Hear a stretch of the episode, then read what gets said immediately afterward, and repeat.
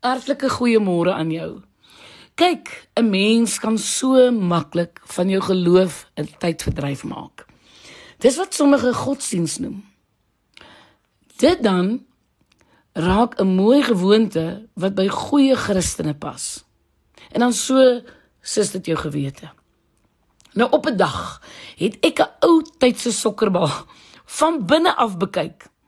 Daar het ek liggaam, siel en gees beter verstaan. Ek noem dit sommer my choopie storie. Nou die buitekant van die sokkerbal is ons liggaam. Die binnewand van daardie swaar leerbal is ons siele. Ons binnekant. Dit is waar ons wil en ons emosie natuurlik lê. Nou binne-in is daar 'n choopie of binneband wat nou opgeblaas moet word. Nou so kan die bal hard word om dan 'n sterk wedstrydbal te word. Nou die dag die dag met my bekering het God se gees in my kom woon. Hy het die lug of asem binne in my choopie geword. Kyk, 'n sokkerbal met 'n pap choopie kan mos nie sy doel dien nie. 'n Christen kan nie Ag ek wil dit ook eers Christen noem. 'n Kind van die Here man. Kan nie 'n vervulde lewe lei sonder die innerlike krag van die Heilige Heilige Gees nie. Ja.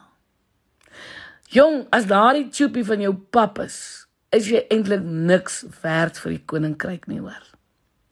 Nou ons bring tyd deur met God. Met sy woord en met sy mense.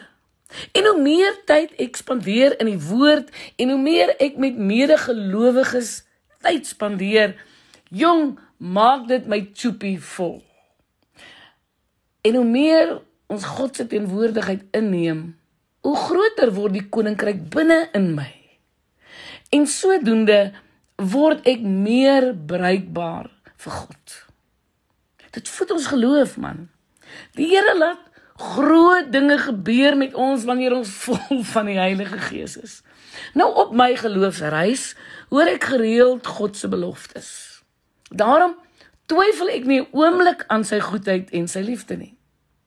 Maar tog met my elke dag se stap met God en gesprekke met medegelowiges, kom ek tog steeds op vrae af wat op almal se lippe huiwer. Soms is dit waarom vra? Waarom laat God soveel pyn en hartseer toe? Waarom moet dit my tref? Maar daar is ook gereeld hoe vra. Hoe maak ek sin van lyding en kom ek heel aan die ander kant uit? Hoe raak ek van bitterheid ontslae? Hoe verander ek my laaste selfbeeld? Hoe weet ek of die Heilige Gees in my is?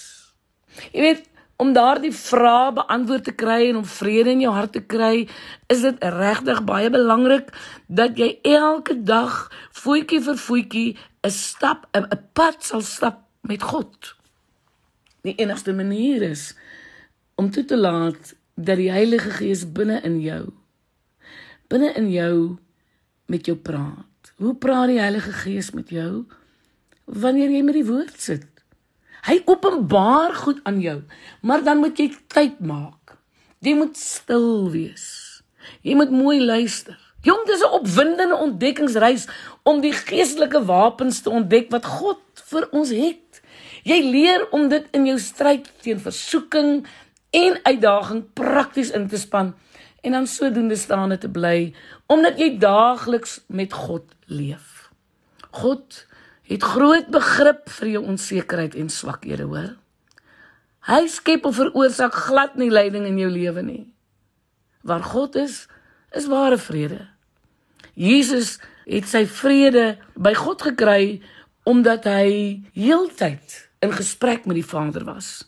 Deur alles kon Jesus perspektief behou en selfs in storms rustig bly. Deur sy gees in jou skakel hy jou hoopmeter aan so kan jy ook in ander se lewe hoop aanblaas.